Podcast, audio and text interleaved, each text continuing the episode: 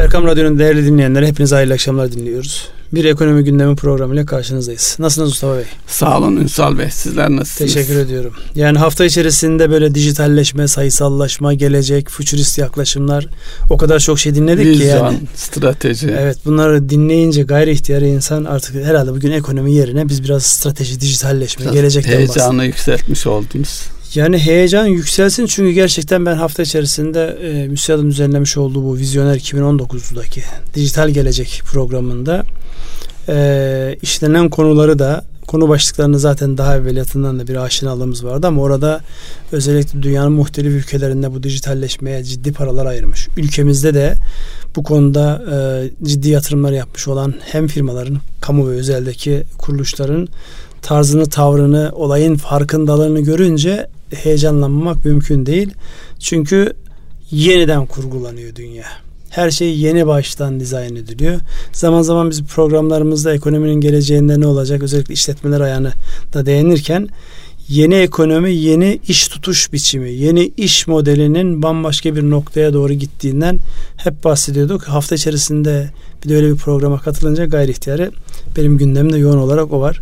İsterseniz siz şöyle hızlı bir şekilde gündemimizdeki ekonomik haberlere bir dokunun. Ee, bu JCR mevzu hariç onu Tamam. ayrı bir başlık olarak irdeleyelim. Onların üzerinden hızlı bir geçelim. Sonra bu dijitalleşmenin ve ekonominin geleceği, işletmelerin geleceği konusunu bir daha gözden geçirelim. Ee, Ünsal Bey ana başlıklarıyla e, dünyada ekonomiyi etkileyecek hususlar e, neyse e, onu ve içerideki ekonomik gelişmeleri konuşuyoruz ana hatlarıyla önemli bizce önemli bulduklarımızı. Tabi bugün Cuma e, yine Batı ülkelerini özellikle ekonomik açıdan etkileyecek e, bir e, Cuma kampanyası var. Özellikle bireysel tarafta satışlarla ilgili tüketimi körükleyen e, bizim ülkemize de yansımaları işte ucuz Cuma, muhteşem Körükleyen Cuma. ifade biraz olumsuz bir bakış açısını Ee, yansıtıyor. O zaman düzeltelim. E, Destekleyen. destekleyen diyelim. Ee, o var. Ee, o önemli bir konu. Bir baş, bir diğer başlık yine e, muhteşem Cuma'ya karşılık geçen hafta Çin'de Bekarlar Günü diye yalnız insanları e, isimle insanların isimlendirdiği bir alışveriş e, günü vardı. Onun etkileri var. Hong Kong 38 milyar dolar mıydı bir günlük ee, e, evet ama enteresan olan ilk bir saat içerisinde 16 milyar dolarlık satış. Bu akla ziyan bir şey. Bu şu anlama geliyor. İnsanlar o gece 12'yi bekliyor. Herkes hazır. Düğmeye basıldığı anda Ürünler o belli. i- ilk şeyde e, tabii orada sanıyorum belli ürün sınırlaması da var. Her hedef ürünleri bilemiyoruz tabii kendi şeyleri çerçevelerinde. E, Hong Kong'la ilgili e, Amerika'nın onayladığı, başkanın onayladığı e, oradaki e, göstericileri destekleyen bir yasa e, onaylandı. Tabii bunun Çin'in misillemesi olacağı söylendi. Öyle açıklamalar geldi. Tabii uzun süredir konuşulan e, burada da gündeme getirdiğimiz ticaret e, savaşının bundan etkilen, etkilenmeyeceği konusunda e, dünyadaki tüm ekonomideki e, rol alan kişilerin bir endişesi var. E, bir de dünyada bu aralar e, satın alma ve birleşmeler var şirketler açısından. Belki onu konuşuruz Ünsal Bey. Yine e, özellikle en büyük ekonomi ola- olarak Amerika'nın belirleyiciliği ışığında Trump'ın e, rakip olarak karşısına e, Bloomberg'in o da bir milyarder e, rakip olarak Demokrat Parti'den çıkıyor olmasının e, hem demokrasi ve para ilişkisini belki konuşmak açısından nereye Orada doğru dön- normalde diye. başkanlık sisteminde böyle bir 4 artı 4'ü normal görürler. Çok kuvvetli rakipler çıkmazdı değil mi? Normal şartlarda Evet, evet. böyleydi. Bu sefer böyle 17 tane Demokrat Parti'den 17 tane adayın çıkması. Onlardan bir tanesinde daha önceden New York Belediye Başkanlığı yapmış medyayı elinde tutan e, milyarder birisinin olmuş olması ya Trump'la alakalı bu dört yılı daha uzatmama noktasında e, onların görünmeyen eli neyse artık kimse onların herhalde bir fikir birliğine vardıkları gibi bir anlam çıkarılabilir gibi geliyor bana. e, meydana onun gibi bir e, iş adamını çıkarmış oluyorlar. Evet. O da enteresan çünkü diğerleri iş adamı değil. Bir de bunların karşısında yani daha doğrusu şöyle bunların kendi hayatlarında yenilgi diye bir kavram yok. Yani hep hayatlarında kazanmaya alışmış insanlar. Evet. Ve farklı alanlar yakalamış. Yani işte Bloomberg'ün şeyine baktığımızda işte hepimizin bir şekilde kıyısından köşesinden dokunduğumuz bu soy isim herhalde bir şey hatırlatıyordur. Evet. Dolayısıyla yani bu sefer e, güçlü bir rakibin çıkmış olması daha önceden siyasette e, bulunmuş Joe Biden'ların falan isimleri var ama onların çok fazla bir hükmü bence yok. Aslı burada işte bu Bloomberg yani nasıl bir pazarlık olacaksa, nasıl bir mutabakat sağlanacaksa kuvvetli aday arka tarafta başka bir şey gerektirebilir. Çünkü aday 77 yaşında. Yani evet. Amerikalıların çok böyle arzuladıkları e, şey değil yani 77 genç bir yaş yani çok böyle şimdi oraya yaklaştıkça. Şimdi Kissinger'ın yüze dayandığı bir e, devirde. Şimdi oraya yaklaştıkça genç gel.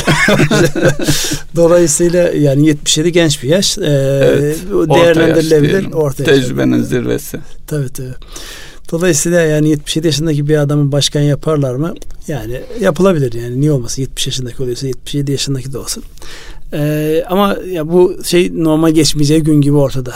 Trump'ı biraz daha pazarlığa çekecekler gibi bir görüntü var. Buyurun. Benim aklıma et. Demirel geldi kaç yaşındaydı diye Ama o zenit saat gibi çalışıyordu biliyorsun yani. evet haklısınız.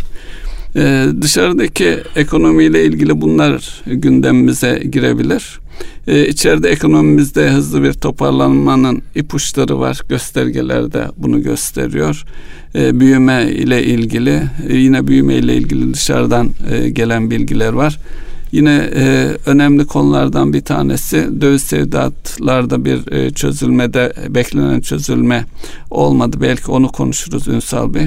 Merkez Bankası Başkanı'nın bir konuşması vardı. Özellikle e, önümüzdeki yani izleyen ay Aralık ayında bir toplantı daha var. Faiz indirimi olur mu olmaz mı? 150 mi olur, 200 baz puan mı olur gibi bir e, konu var. Ee, yine cari açık bağlamında petrol fiyatlarının bu seyri konuşabiliriz. Ee, bu bizim işimize gelen bir seyir. Ee, onun dışında e, doğrudan yatırımlar açısından bakarsak büyük bir bankamızın yabancı ortağının sermayesini azaltma gibi bir konu var. Belki onu konuşuruz. Yine turizm sektöründe önemli bir e, havayolu şirketinin bu kadar çok başlığı konuşabilir miyiz? E, yani en azından e, başlıklarını söylemiş oluruz. İşte konuşuruz demek yerine konuştuk geçtik bence bunu. Öyle mi? Çok Peki toplum e, açısından e, asgari ücret hem çalışanları hem de işverenleri etkileyen tarafı var. Onlar gündemimizde. Ana başlıkları bu şekilde. Siz neler Şimdi ilave edersiniz bilmiyorum insan. Benim dikkatimi çeken birkaç tane hadise vardı. Onlardan bir tanesi özellikle e, ihracatın arttırılması ile alakalı olarak çok farklı gelişmeler e, üzerinde duruyor insanlar. Mesela e, hazır giyim sektörünün özellikle dünyanın şu an en büyük e, elektronik ticaret pazarı olan Alibaba Express, AliExpress üzerinde daha geniş bir ihracat ağına, daha geniş ihracat yapılabilecek alan ulaşmak için bir e, çalışmalar yapılıyor. Bu e, belki ana konumuz olan dijitalleşmede de fazlasıyla bahsedeceğimiz bir hadise. Bundan sonraki süreçte dünyada görünmek için evet fuarlar önemli bir gösterge ama şu an pazar yeri diye tabir edilen bu sanal ortamın pazar yerlerinde bir şekilde yer almak zorunda insanlar. Bunu kendi medyanızdan yapabilirsiniz. Kendi internet sitenizden yapabilirsiniz.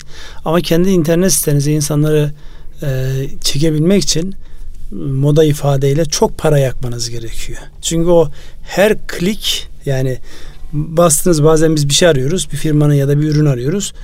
O aramış olduğumuz şey eğer e, reklam mı yoksa sitenin kendisi mi ise diye bakmıyorsak reklam geliyor. Çünkü onun da kendine göre bir e, algoritması var.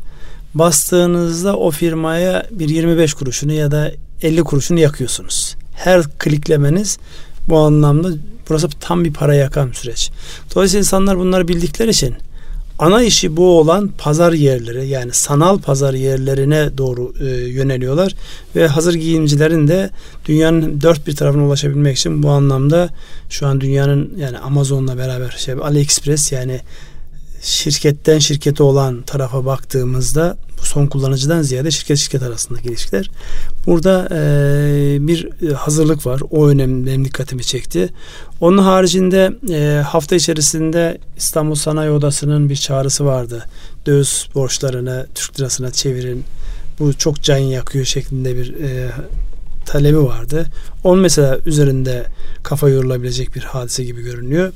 Onun haricinde bu TANAP projesinde böyle tarihi bir gün. Yarın bu anlamda bir tarihi bir gün var. Söyleyip geçiyorum çünkü bunların detayları yansımadan ilerleyen zamanda göreceğiz. Dolayısıyla e, zaten az önce söylemiştik JCR'ın %85'inin Türk Bankacılar Birliği ya da daha Türk Bankacılık Sistemi ve borsanın da şimdi bulunduğu bir ekip tarafından satın alındı. Kurumlar tarafından satın alındı. Bunlar bu haftanın en böyle renkli, popüler Sıcak, evet. başlıklarıydı. O başlıklara başka neler eklenebilir? Valla detaya girdiğinde çok şey eklenir. Çünkü özellikle e, bizim gibi böyle sıcak bir bölgede bulunduğunuz zaman Amerika'da bir şey oluyor. Biz etkileniyoruz. Rusya'da bir şey oluyor. Biz etkileniyoruz. Geçtiğimiz zaman içerisinde özellikle konut finansmanında indirimlerin aşağı gelmiş olması yani oradaki finansman maliyetlerinin aşağı gelmiş olması geçen Ağustos'tan bu yana 15 milyar TL gibi bir e, bakiye ulaşmış yeni konut finansmanı. Dolayısıyla bunlar önemli adımlar. Buradan da şu anlam e, çıkıyor. Finansmanı eğer siz aylık bir ya da yıllık toplamda 12 ve 12'nin altına getirirseniz yani hedef almış olduğunuz alan daha çok bu tüketimle alakalı. Konut ve otomotivde hemen bir hareketlenme başlıyor. Buradaki soru da şu. Sürdürülebilir mi? Sürdürülebilir olup olmadığını öncelikli olarak oraya kaynak ayıran bankaların bunun arkasında durup durmayacağına bakacağız. Sonraki süreçte de tamam iyi güzel konutlar satıldı, arabalar satıldı. E sonra ekonomide çarkların dönüyor olması lazım. İşte üretim tarafında gecikmeli geliyor bu her ne kadar sizin rakamlarınızda var zaten kapasite kullanımı ile alakalı, ekonomi güven endeksi ile alakalı olumlu kıpırdanmalar olmakla beraber henüz daha işte konutta ve e, desteklenen taraftaki otomotivde görülen o hareketlenmeyi genelde görmemek. Genelde nasıl yayılır sorusunun cevabını hep beraber aramamız, araştırmamız gerekecek gözüküyor.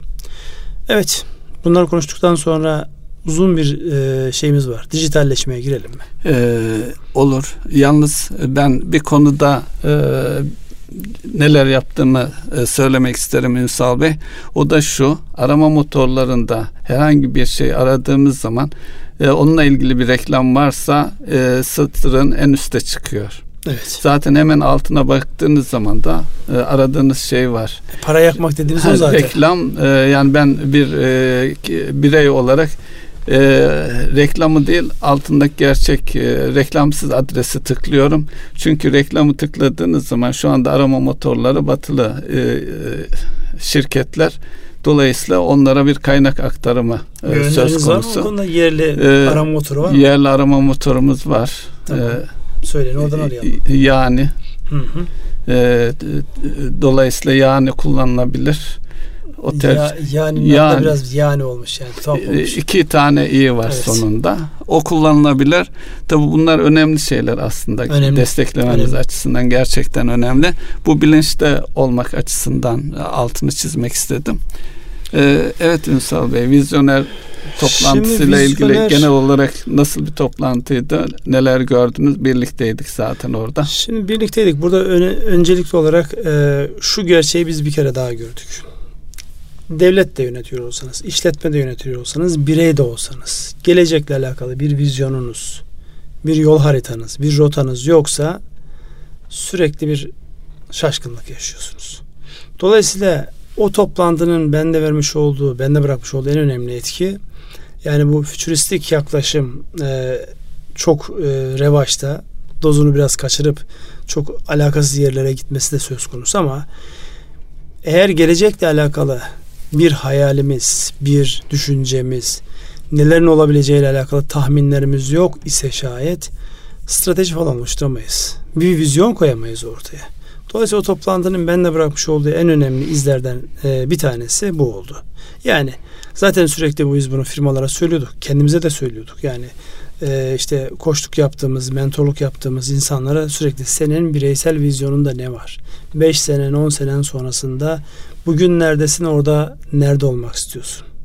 O klasik 5 soru var diye. Evet. Onu bir tekrarlamakta fayda var. Çünkü insanlar bunu dillerine bir dolarlarsa yani sürekli bir stratejik düşünmeye yeter. Neredeyiz? Nerede olmak istiyoruz? Olmak istediğimiz yere gitmek için neleri değiştirmemiz gerekiyor? Nasıl? Ve oraya ilerlediğimizi nasıl anlarız? Beş tane temel soru var. Sonuncusu ölçme. Sonuncusu ölçme. Ölçme olmadan da zaten bir şey olmaz. Dijitalleşme dediğimiz hadise zaten sayılar, veriler, ölçme, tartma ve bu sürecin işlenmesi. Şimdi buradaki temel yaklaşım şuydu. Gelecekte siz şu an içinde bulunduğunuz sektörü nerede hayal ediyorsunuz? Gelecekte sizin iş modelinizle alakalı nasıl değişiklikler olacak? Gelecekte para nasıl olacak? Gelecekte bu internet üzerinde makinaların birbiriyle olan konuşmasında sizin e, bireysel ve işletmecilik anlamında nerede olacaksınız? Sizin üretiminiz bu anlamda nasıl etkilenecek? Onun haricinde aklınıza gelebilecek dönüşüm, teknolojik dönüşümle alakalı her şey. Yani buradaki takas sistemi nasıl olacak? İşte bu paranın e, olmasıyla beraber. Ödemenin. Bunların ödemenin nasıl olacak? Ya zaten para kısmının en kafa yorulan tarafı şu an herkes kendi kripto parasını çıkarmanın peşinde. Bunu yaparken de arkada güvenli bir e, sistemin olması lazım. İşte o blok zinciri dedikleri hadise çok e, net bir şekilde artık bağıra bağıra geliyor. Ben buradayım diyor. Dolayısıyla herkesin en azından kavramsal anlamda bu süreci öğrenmesi, geleceğin bu şekildeki dönüşümünden kendisinin nasıl etkileneceği ile alakalı kafa yorması gerektiği artık gün gibi ortada. Dünkü alışkanlıklarımızla, dünkü bakış açımızla geleceğin dünyasında yer almanın ne kadar zor olduğunu imkansız demiyoruz. Yani geleceği gerçek anlamda bilecek olan ancak Allah'tır ama şu anki görüntüye baktığımızda iş modelleri değişiyor, alışkanlıklar değişiyor, iş tutma biçimleri değişiyor, işbirlikleri değişiyor. Dolayısıyla bu değişen dünyada biz nasıl konumlanacağımızla alakalı bugün düşünmezsek yarın zaten düşünseniz de düşünsek de çok fazla bir anlamı olmayacak. Onun için bu e, dijitalleşmenin yani beni en fazla heyecanlandıran farklı e, toplantılarda da bu sürekli gündeme getiriliyor. Yani gelecek 5 senenin 10 senenin dünyanın ne tarafa doğru gideceğini. Orada da e, bizim çevre analizi dediğimiz bu e, uzatabiliyorsunuz. PES'le de bitirebilirsiniz. Sonra PES'le de yapabilirsiniz. PESTEP de yapabilirsiniz. Yani orada kullandığınız argümanlara bağlı. Nedir o? Politik olarak Politik. dünya nereye gidiyor? Ülke nereye gidiyor? Ekonomik olarak dünya nereye gidiyor? Ülke nereye gidiyor? Sektör nereye gidiyor? Ondan sonra sosyal yapı olarak yani toplumlar yaşlanıyor. Göçler inanılmaz e, etkilemeye başladı. Her toplumu etkiliyor. Coğrafyalar değişiyor. Coğrafyalar bu anlamda değişiyor. E, bunu dikkat almak zorundasınız. Yani dünyada ne oluyor? Sizin ülkenizde ne oluyor? Ondan sonra ne kaldı? Teknoloji. Teknoloji. Zaten bizim konuştuğumuz mesele o. Teknoloji nereye gidiyor? Teknolojinin etkilemediği özellikle bu yapay zeka ve e, makinaların birbirleriyle konuşması ve bunun üzerinde dönen ekonomide siz yani siz derken önce kendiniz değil dünya nereye gidiyor, ülke nereye gidiyor, sektörünüz nereye gidiyor, siz neredesiniz sorusunun cevaplarına bakmak gerekiyor. Dolayısıyla bu anlamda herkesin aslında zaten öyle bir olma zorunluluğu var. Herkes stratejist olmak zorunda. Özellikle işin başındaki insanlar, tepe yönetimindekiler, bu ille de patron seviyesinde, genel müdür seviyesinde olan bir hadise değil. Birimin başındaki insanlar da stratejist olmak zorunda. Ve bir strateji Ama ortaya koyarken stratejisine göre bir strateji. Elbette ki. Onun altını çizmeliyiz. Elbette ki yani. Yoksa yani şirketin stratejisi yok. Altta siz bir departman olarak strateji çizmişsiniz. Geçmiş olsun yani oradan bir şey çıkmaz. Dolayısıyla herkesin ortak akılla çünkü herkesin baktığı yer farklı. Yani bir mühendisin baktığı yerle bir finansçının baktığı yer bambaşka boyutta. Oradan el, elde edilecek verilerin işlenmesi bambaşka bir boyutta.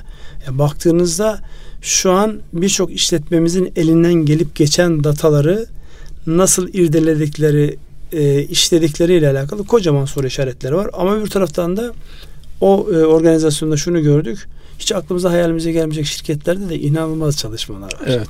Siz de oradaydınız. Biraz da sizin gözlemlerinizi alalım. Sonra teker teker üzerine geçelim. Ha, burada e, özellikle şu e, çevre analizini tamamlayalım. Yani ne dedik? Politik, ekonomi, sosyal söyledik. dedik, teknoloji dedik. Yasal düzenlemeler var. Yasal düzenlemeler gelecekte ne olacak? Şu an mesela özellikle en fazla sıkıntı çekilen konulardan bir tanesi itibar yönetimi. Sanal ortamda bir şirketle, bir şahısla, bir ürünle alakalı böyle kemikleri kırarcasına yapılan şeyler onlar nasıl yöneteceksiniz? Nasıl karşı koyacaksınız? Nasıl karşı nasıl savunacaksınız? Başka yasal düzenlemeler özellikle kişiler kişisel verilerin korunmasıyla alakalı kanun düzenleme vardır. Evet. Bu çok önemli bir başlık. Son olarak da e, başlık yani sosyal yapının içerisinde değerlendirebilir ama bunu ayrı bir başlık olarak değerlendirmeyi tercih ediyorlar. Nüfusunuzun ne olacağı, nüfusun yapısal e, gelişiminde gelecekte neler olacak? Bunların eğitiminden, sağlığına, yaşam alanlarından, konfor alanlarına, yaşlandıkları zamanki işte o onların sağlıklı bir şekilde o yaşlılık süreçlerini geçirmesine kadar çok geniş bir alan var. Buralardaki tahminlerinizi dönüp kendi şirketinizin vizyonunu koyarken yani sizin şirketiniz uzayda bir yerde boşlukta durmuyor. Bir çevrenin içerisinde duruyor. Çevrenin gelecekte alacağı şekil ne? O sorunun cevabını verdikten sonra şirketin vizyonunu ortaya koymak. Burada da liderlere çok ciddi iş düşüyor. Allah liderlerin liderlik becerilerine e, ne derler yol versin, güç versin, basiretlerini arttırsın. basiretlerini arttırsın. Yani burada şu an iş insanlarının her kademedeki iş insanlarının ve yöneticilerin liderlik becerilerini geliştirmekten başka çareleri yok. Yani bir tahminde bulunmak, bir vizyon çizmek bu artık yani eskiden özel yetenekli insanlar vardı. Yani onların tahminleri tutardı. Ama şimdi verileri kullanmadan yapılacak tahminler parametreleri kullanmadan yapılacak tahminler kuvvetle muhtemel yanlış çıkar. Ee, onunla alakalı da çeşitli anekdotlar var. Ben anlatırım. Tabii, liderlik derken bir adım öteye götürüp liderin kültürel yapıyı farkında olması ve dönüştürmesi, dönüştürmesi evet. söz Değişim konusu. yönetimi çok evet. ciddi anlamda ön plana çıkıyor. Şimdi bir başka açıdan e, bakmak isterim Ünsal Bey. Bu dijitalleşmeye şimdi konuşulduğunda işte e, büyük e, veri, işte altyapılar, bulut filan bunlar konuşulunca sanki çok ne bileyim bizi dinleyen özellikle küçük orta kobi firmalara kastederek söylüyorum. Erişilmez gibi görülmesin. Yo, çok şu an. Tam şey tersine bu için geldiğimiz nokta itibariyle kim ne yapıyorsa sadece kendi işine odaklanma fırsatı var. Daha önce 10 sene önce 20 sene önce bir e, şey yaptığınız zaman e, bilgisayarlar arayacaksınız ona oda tahsis edeceksiniz iklimlendireceksiniz güvenliğini sağlayacaksınız kesintisiz güç kaynakları filan filan filan. Çok farklı tecrübeler gerektiren bir ihtiyaçtı zorunluluktu hatta. Ama şimdi onları sizin adınıza yapan var Hatta şunu bile yapıyorlar artık geldiğimiz noktada evlerimizde ev hanımlarının ürettiği bir şeyi kendileri bu sanal ortamı e, kullanarak pazarlayabilirler. Nereye? Dünyanın her yerine. Bu aynı zamanda büyük bir fırsat. Tabi buna karşılık da siz bunun farkında olmazsanız buradan gelecek rekabete karşı da savunması hale gelirsiniz. E, vizyoner toplantısında benim e, başlık olarak seçtiğim konular bulut, e, bulut dediğimiz bulut şey, bulut teknolojisi. Artık kimse kendisi e, cihaz bilgisayarları alıp tutmuyor. Bu hizmet veren bulut tabir edilen dünyada küresel ölçekte hatta ülkemizde de birçok firma var e, bunu sizin adınıza yapıyorlar. Dolayısıyla siz orada e, kullandığınız alan, e, veri miktarı gibi bir takım kıstaslara göre fiyatlandırılıyor. Tabii kendi yatırım yapmanızla kıyaslandığında e, oldukça ucuz hale gelmiş durumda. Ee, bir diğer konu yine veri merkezleri ee, ve tabi altyapı da önemli. Burada benim dikkatimi çeken konulardan bir tanesi de e, iletişim için fiber altyapısı. Hatta bu 5G teknolojisi konuşuluyor. Tüm dünyayı etkileyen işte Çin'in Huawei'nin özellikle e, o konuda geliştirilmiş teknolojilerin dünyada yarısına sahip. Amerika %25'ine kalan 25'te diğer ülkeler geliştirme konusunda paylaşmış durumda. Burada bir fiber altyapısının e, geliştirilmesi sorumluluğu var. Yani fiber altyapısı derken e, 5G'de olsa 3G'de olsa hızlandırmak için bir yerde mobil cihazların şeye inmesi gerekiyor. Fibere erişmesi o toplamda gerekiyor. Cumhurbaşkanı fiberle alakalı ha, çok onu, net bir mesaj verdi. Kimeydi o onu mesaj? Onu söyleyeceğim. E, Cumhur, Sayın Cumhurbaşkanımız dedi ki bu fiber altyapısı hızlıca artmak zorunda.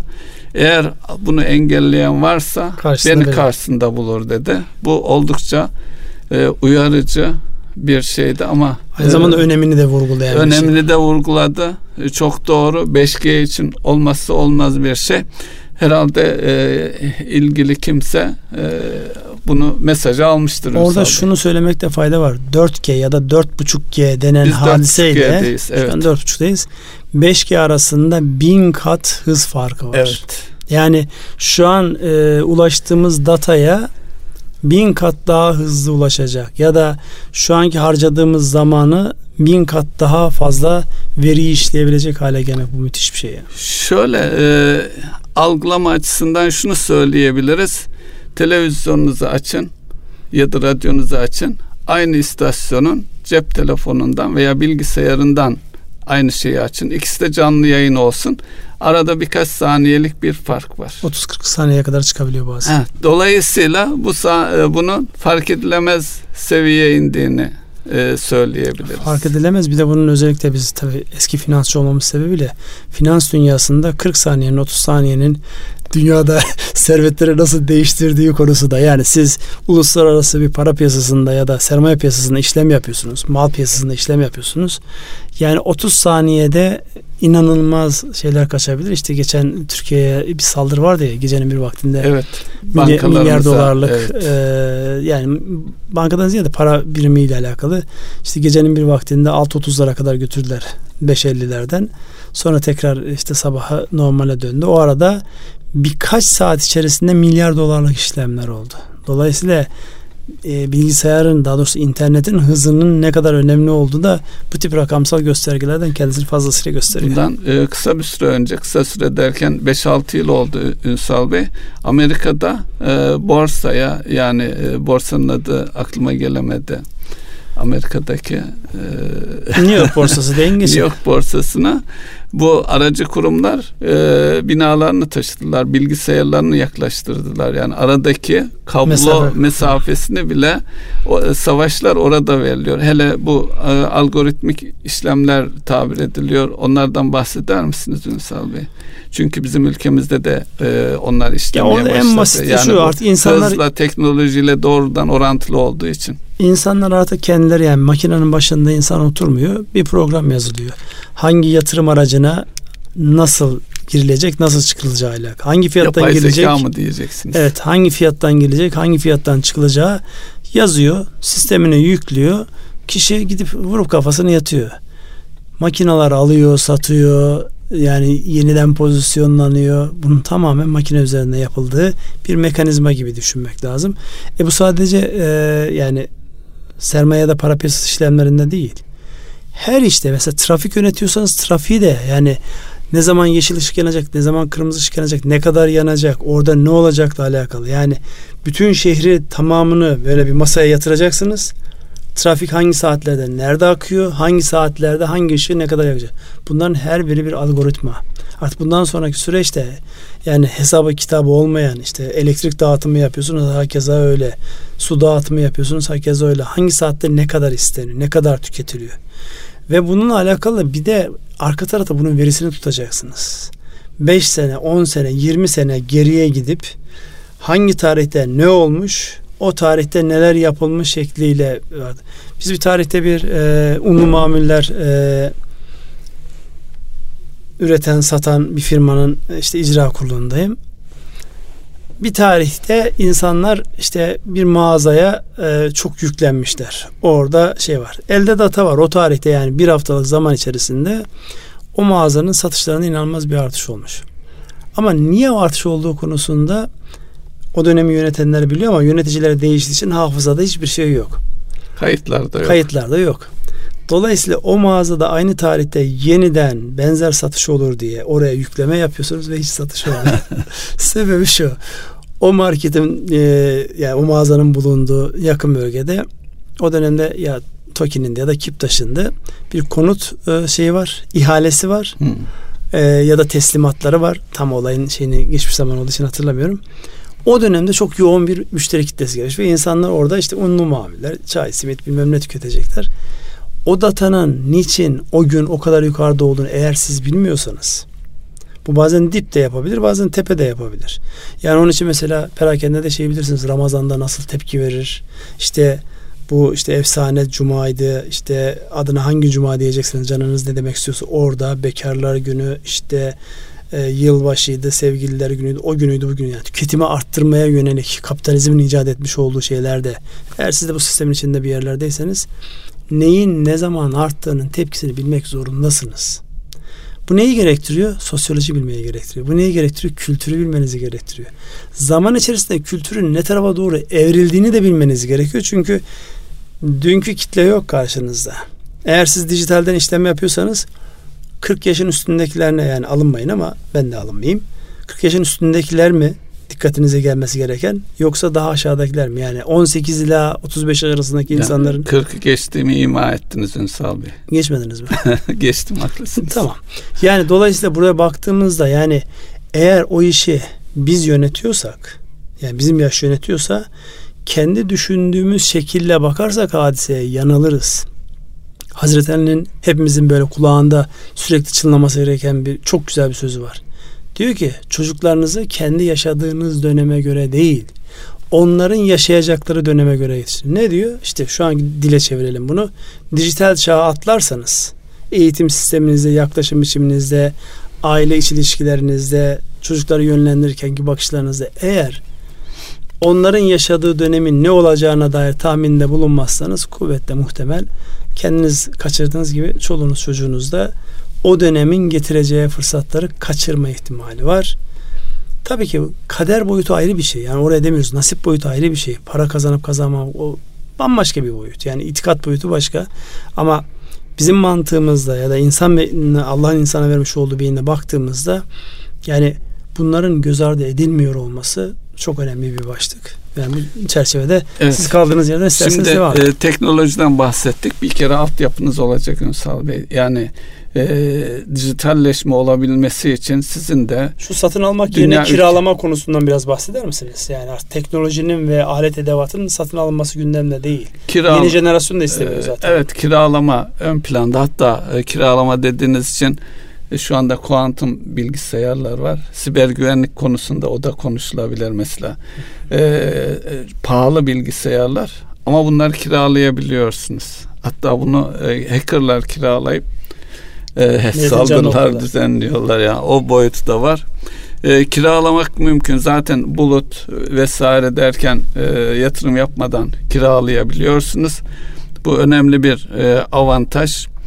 E, belki bunu e, yani e, internetten, mobilden nasıl satış yapılır onu tekrar vurgulamakta yarar var. Mesela şu anki cuma e, işte adını nasıl e, belirlersek belirleyelim satışların üçte birinin de e, mobile döndüğü söz konusu Ünsal Bey. Daha önce internette şimdi artık mobile yani herkes istediği noktada neredeyse hangi mekandaysa onu e, satabiliyor. Dolayısıyla işletmeler de özellikle fırsat açısından bakılırsa yani e, organik tarımdır, sanat eserleridir. Kim ne üretiyorsa burada satması mümkün. Hatta şu da var Ünsal Bey. E, insanlar Alibaba'da veya e, Amazon'da bir takım ürünleri kendileri bulup ayrıca kendi dükkanlarında satışa çıkartıyorlar aynı ortamda. Yani sizin erişip bulamayacağınız bir şeyi kendisi bir başka farklı yöntemle tanıtarak ve aradan e, herhangi bir e, sermayesi yok, stok maliyeti yok, hiçbir şey yok. Müşteri geldiğinde oradan alıp buradan satıyor. Aradaki e, karı da cebine koyuyor. Özellikle gençler açısından, öğrenciler açısından böyle bir çalışma yapanlar da var. Bu arada tabii yapay zeka ve e, artırılmış gerçeklikten belki bahsetmek lazım. Yapay zeka derken zaten siz gündeme getirdiniz ama bunlar yeni konular ve sürekli gelişen konular yani burada Türkiye olarak da e, ne bileyim şirketlerimiz olarak da geri kaldık diye düşünmeye gerek yok. Bir taraftan da öğrenilerek gelişen bir e, şey. Burada gündeme almak önemli. E, burada daha çok biz ekonomik açıdan pazarlama, satış onları konuşuyoruz. Ama sağlık her sektörde kullanılacak bir şey. Sağlık açısından da insanlar kolunda veya vücudunda taşıdığı bir şeyi e, cihazla sürekli sağlıklarının izlenmesi mümkün. E, yani o tıbbi şeyler olduğu için e, detaya girsek de büyük bir ihtimalle hatalı şeyler söylerim. Bu mümkün. Bir de artırılmış gerçeklik diye bir şey var. Bu şunu getiriyor. Siz eğitim tarafında özellikle yani bir pilotu eğitirken örneğin e, bunun artırılmış e, bir gözlükle, cihazla veya bir cihazı tamir e, etmek için elemanlarınızı eğitirken doğrudan e, uçak uçurmak yerine oturduğu yerden bir odada tüm uçaktaki yaşına, yaşanabilecek her türlü senaryoyu yaşatarak eğitmeniz mümkün. O zaman ne oluyor? Maliyetleriniz belki yüzde bire yüzde ikiye iniyor. Bu önemli bir gelişme. Hakeza eğitimde de aynı şeyler söz konusu.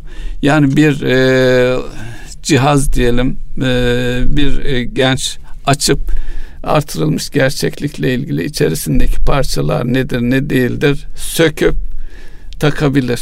Daha sonra da o cihazı açtığında e, aynı şeyleri uygulayabilir sıralamaları takıldığı noktada Şimdi orada bir simülasyon mu var? Yani simülasyon, canlandırma canlandırma, mı? görsel canlandırma görsel var. canlandırma ve bu vücut hareketleriyle de entegre. Yani kişi sanki orayı yapıyormuş gibi ama gerçekte evet. e, o hadise yok. Tamamen böyle gözünüze taktığınız, zihninizin, beyninizin oraya konsantre olduğunu görüyorsunuz. Görüyorsunuz.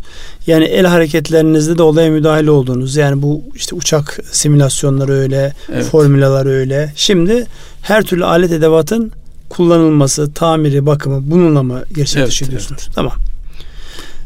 Bir de 3D yazıcıları e, yani sonu yok. E, yani o üç boyutlu yazıcılar evet. mevzu o bambaşka bir e, hadise. Yani şu an bildiğimiz bütün imalat sanayinin e, kökünü sallayacak bir gelişme bu.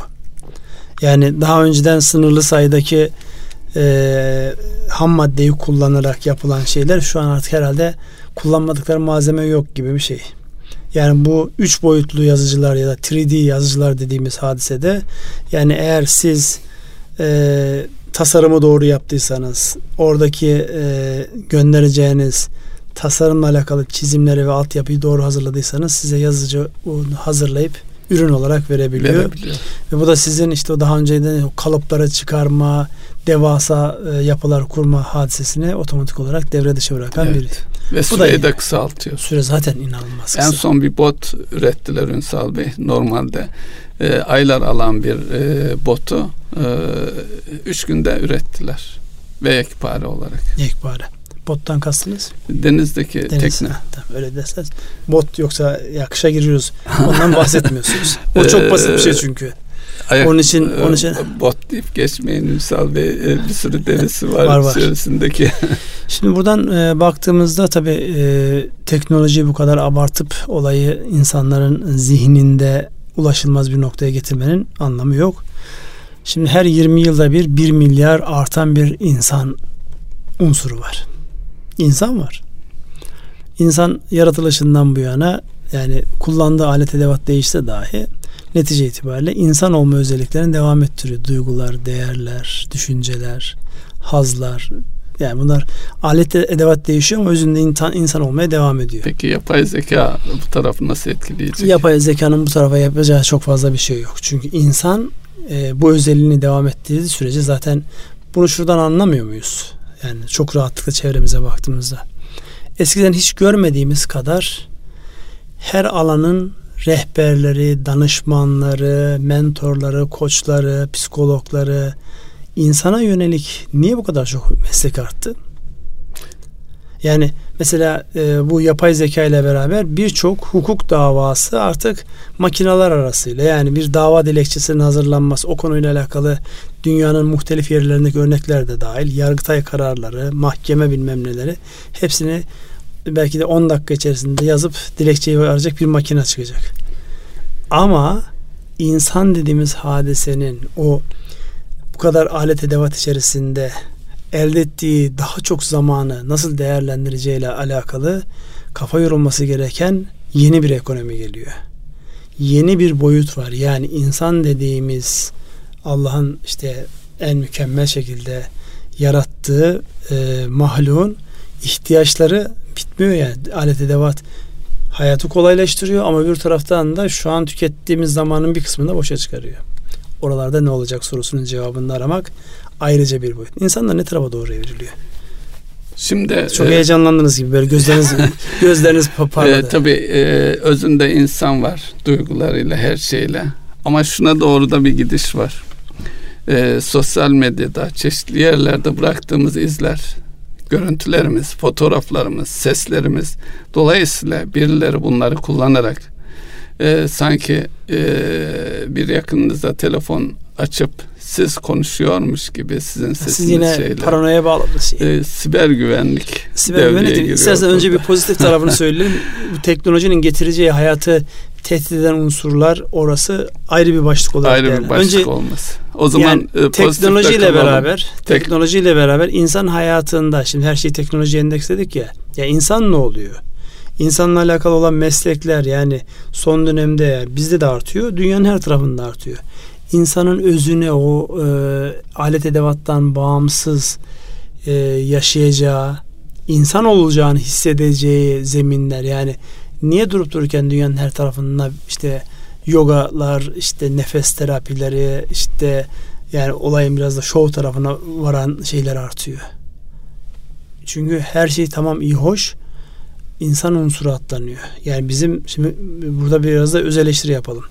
Kadim kültürümüzde var olan ve bizi biz yapan temel değerleri unutup unutturup bunu sanki uzaydan e, biz yeni gelmişiz de dünyada e, başka kültürlerin işte insana yönelik, öze yönelik şeyleri varmış gibi.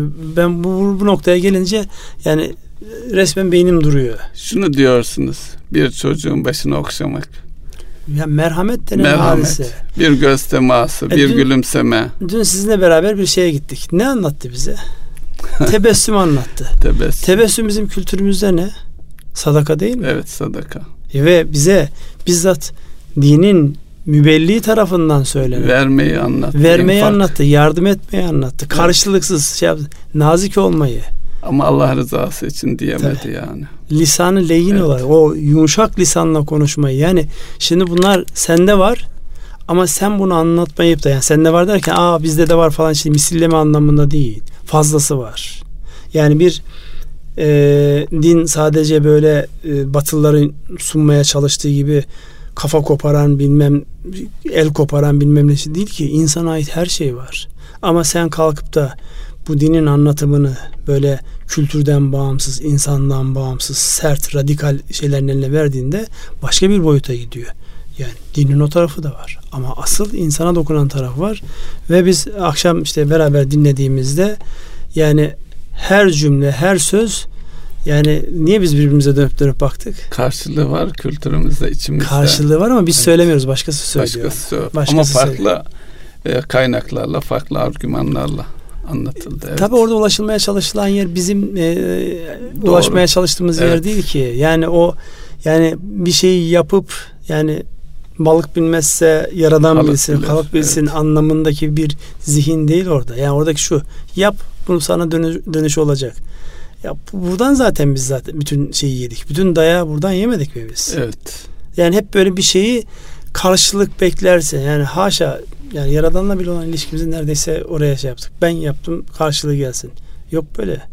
Yani sen yap, yapmaya devam et. Dolayısıyla bizim özellikle bu ekonomik hayattaki değişimle beraber yani maddeleşen, materyalistleşen dünyanın ötesinde bir de insana dokunan taraf var.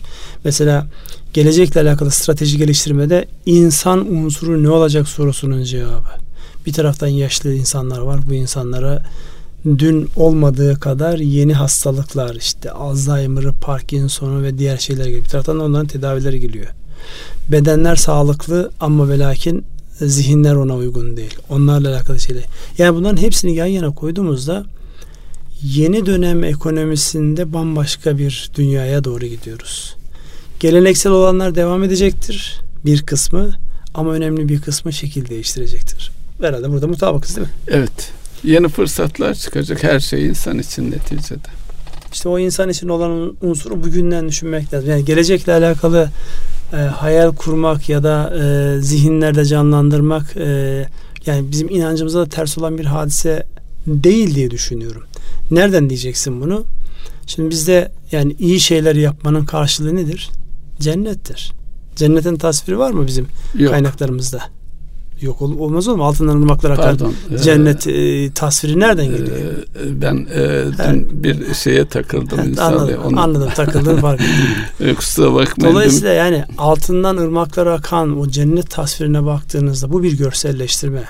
Bu görselleştirmenin karşılığında şu var. Yani gelecekle alakalı olabilecek olan şeyleri zihinde canlandırma ve oraya doğru yürüme noktasında fıtrata uygun olan bir şey var. Yani fıtrattan ayrı değil bu.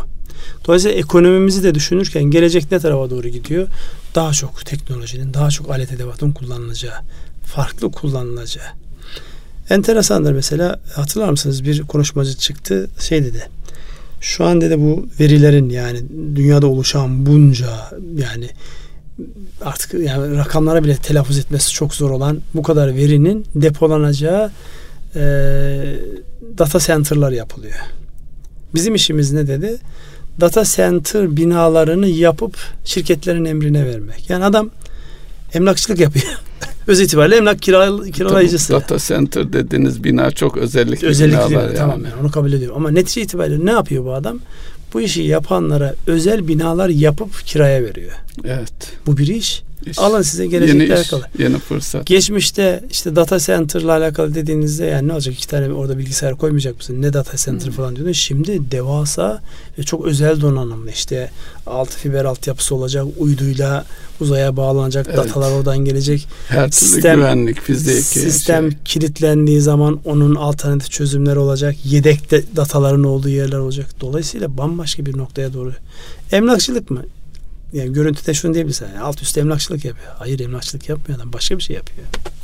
Tabi burada siz e, konuşurken e, arada söylediğiniz bir şey var. Yap, şunlar yapılacak, kim yapılacak sorusunda e, şöyle bir e, şunu e, mesaj olarak vermemiz lazım. Dün bir arkadaşımı ziyaret ettim.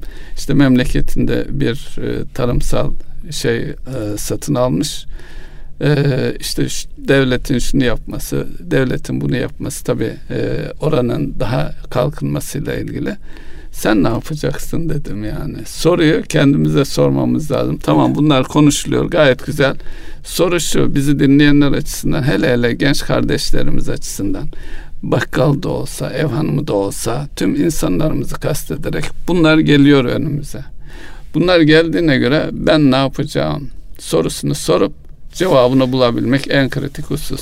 Oradaki yöntem şu olmalı. Onu uyguluyoruz zaten ama buradan söyleyelim yani. Ee, etkilenecek olan herkesi eğer bu bir küçük işletme de olabilir. Etkilenmeyecek var mı? Etkilenecek herkesi dolayısıyla herkesi dahil edeceksiniz. Aile de bu böyle. işletme de böyle. Devlet de böyle geniş katılımlı insanların bu beyin fırtınası dediğimiz ortamlarda gelecekle alakalı insanların böyle içlerinden geçtiği gibi en marjinal fikirlere yol açılacak. Onlara da yani kınamaksızın yani böyle saçmalık mı olur, öyle şey mi olur dememeksizin insanların özgürce gelecekle alakalı tahminlerini burada bir moderasyon yapabilirsiniz. Yani bir yönetici eşliğinde herkesin muhakkak konuşabileceği, dahil olabileceği bir ortamda. Şirketlerde biz öyle yapıyoruz. İnsanlar bir araya topluyoruz. Ünvanlardan bağımsız. O şirketin geleceğinde var olmasını istediğimiz herkesi toplayıp o insanlarla ekonomik olarak dünya nereye gidiyor, Türkiye nereye gidiyor, bizim sektör nereye gidiyor, politik olarak dünya nereye gidiyor, Türkiye nereye gidiyor ve bunun bize yansımaları ne olacak? İşte sosyal yapılanma ne oluyor? Hayat nasıl değişiyor? Teknoloji ne tarafa doğru gidiyor? Bununla alakalı geniş beyin fırtınaları yaptıktan sonra en sonunda şu soruyu soruyoruz. Peki biz bunun neresinde yer alalım? 10 sene sonra bizim bu işletme nasıl bir şekil alacak ve bugünden itibaren oraya nasıl yürüyeceğiz? O meşhur 5 soruya gene geliyoruz. Neredeyiz? Nerede olmak istiyoruz? Oraya nasıl ulaşacağız? Neleri değiştireceğiz önce? Nasıl ulaşacağız? Sonra bunu nasıl ölçeceğiz? Şimdi bu başlıkta baktığımızda bunu isterseniz aileye uygulayalım. isterseniz de bireyler bazında yapalım. Yani siz yapmış olduğunuz bireysel koştuklarda ideal ben e, konusunu işlemiyor musunuz? İşliyoruz. Neydi ideal ben? Bugün neredeyim? İdealim ne? İdealim ne? Bugünle onun arasında ne fark var? Örtüşenler kalsın, ayrışanları nasıl öğreneceğim? O becerileri nasıl kazanacağım? Neleri çıkartacağım? Neleri, neleri çıkaracağım, dahil neleri dahil edeceğim? E, dolayısıyla bunu eğer kendiniz için yapıyorsanız e, işletmeniz için de, aileniz için de, ülkeniz için de yapmak zorundasınız. Burada yani bunun yani özellikle bizim e, yani muhafazakar insanlardan hep böyle şey var yani bu ne kadar doğru işte kader boyutu gayretin kaderle olan ilişkisini yani burada bizim söylememize gerek yok bir sürü dinini konularda şey yapan insanlar var. Yani gayretle bir şeylerin farklılaşabileceğini, boyut değiştirebileceğini bilen inanan insanlar olarak gayret önemsiyoruz. Gayret. Burada e, bir teknik e, söylediniz beyin fırtınasıyla ilgili. Burada karar vericinin insanlar konuşurken e, sadece dinlemesi gerektiğini de vurgulayalım. Değil Kesinlikle mi karar vericiler zaten burada moderasyon sadece yapamazlar. Yani moderasyon dediğim şey toplantıyı karar vericiler yönetmeyecek. Yani patronlar ya da ailenin reisi evet. yönetmeyecek. Yani mümkünse objektif bu konuşulanlardan etkilenmeyecek birisi yönetsin e, ve herkes fikir beyan etsin. Diğer bir hadise de bunları susanlara da fikri mutlaka sorulsun. O kesin zaten. Zaten en büyük sıkıntı susanlar. Birileri susuyorsa Maden oradadır zaten. Birileri susuyorsa ya bir sıkıntı örtülüyordur ya da yani konu onu çok fazla heyecanlandırmıyor. Başka kaygıları, korkuları, endişeleri var. Onu muhakkak konuşuyoruz. Başka fırsatlar var. Tabi burada uygulanan farklı teknikler e, var. Mesela o e, beyin fırtınasının yanında bir de soru fırtınası diye bir teknikten e, bahsedebiliriz. Mesela o teknikte şöyle yine bir konunun tartışılması var.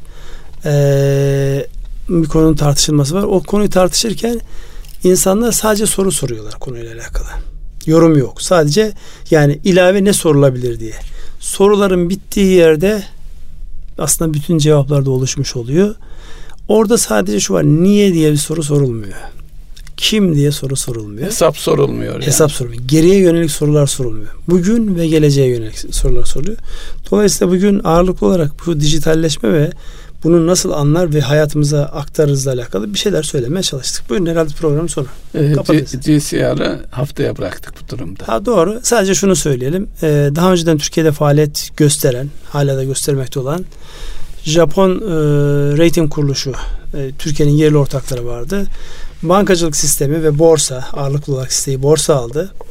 İstanbul Menkul Kıymetler Borsası ee, ve bankalar onların payları daha düşük 2.86 gibi paylarla artık yerli %85'i yerli olan bundan sonraki risklerin incelenmesiyle alakalı bir yapı kuruldu ve bunun çok iyi şeylere sebep olacağı noktasında inancımız yani bunun iyi bir hareket olduğu konusunda da e, fikrimizi beyan edelim ve kapatalım. E, haftaya belki yeniden değinelim çünkü Önemli e, o kurucuları tanıyorsunuz, arkadaşınız olduğunu biliyorum Ünsal. Evet. Belki e, buradaysalar eğer gitmemişlerse belki davet bile edebiliriz. Daha iyi olur yani. Davet evet. edebiliriz. Evet. Erkam Radyo'nun değerli dinleyenleri bir ekonomi gündem programının daha sonuna geldik.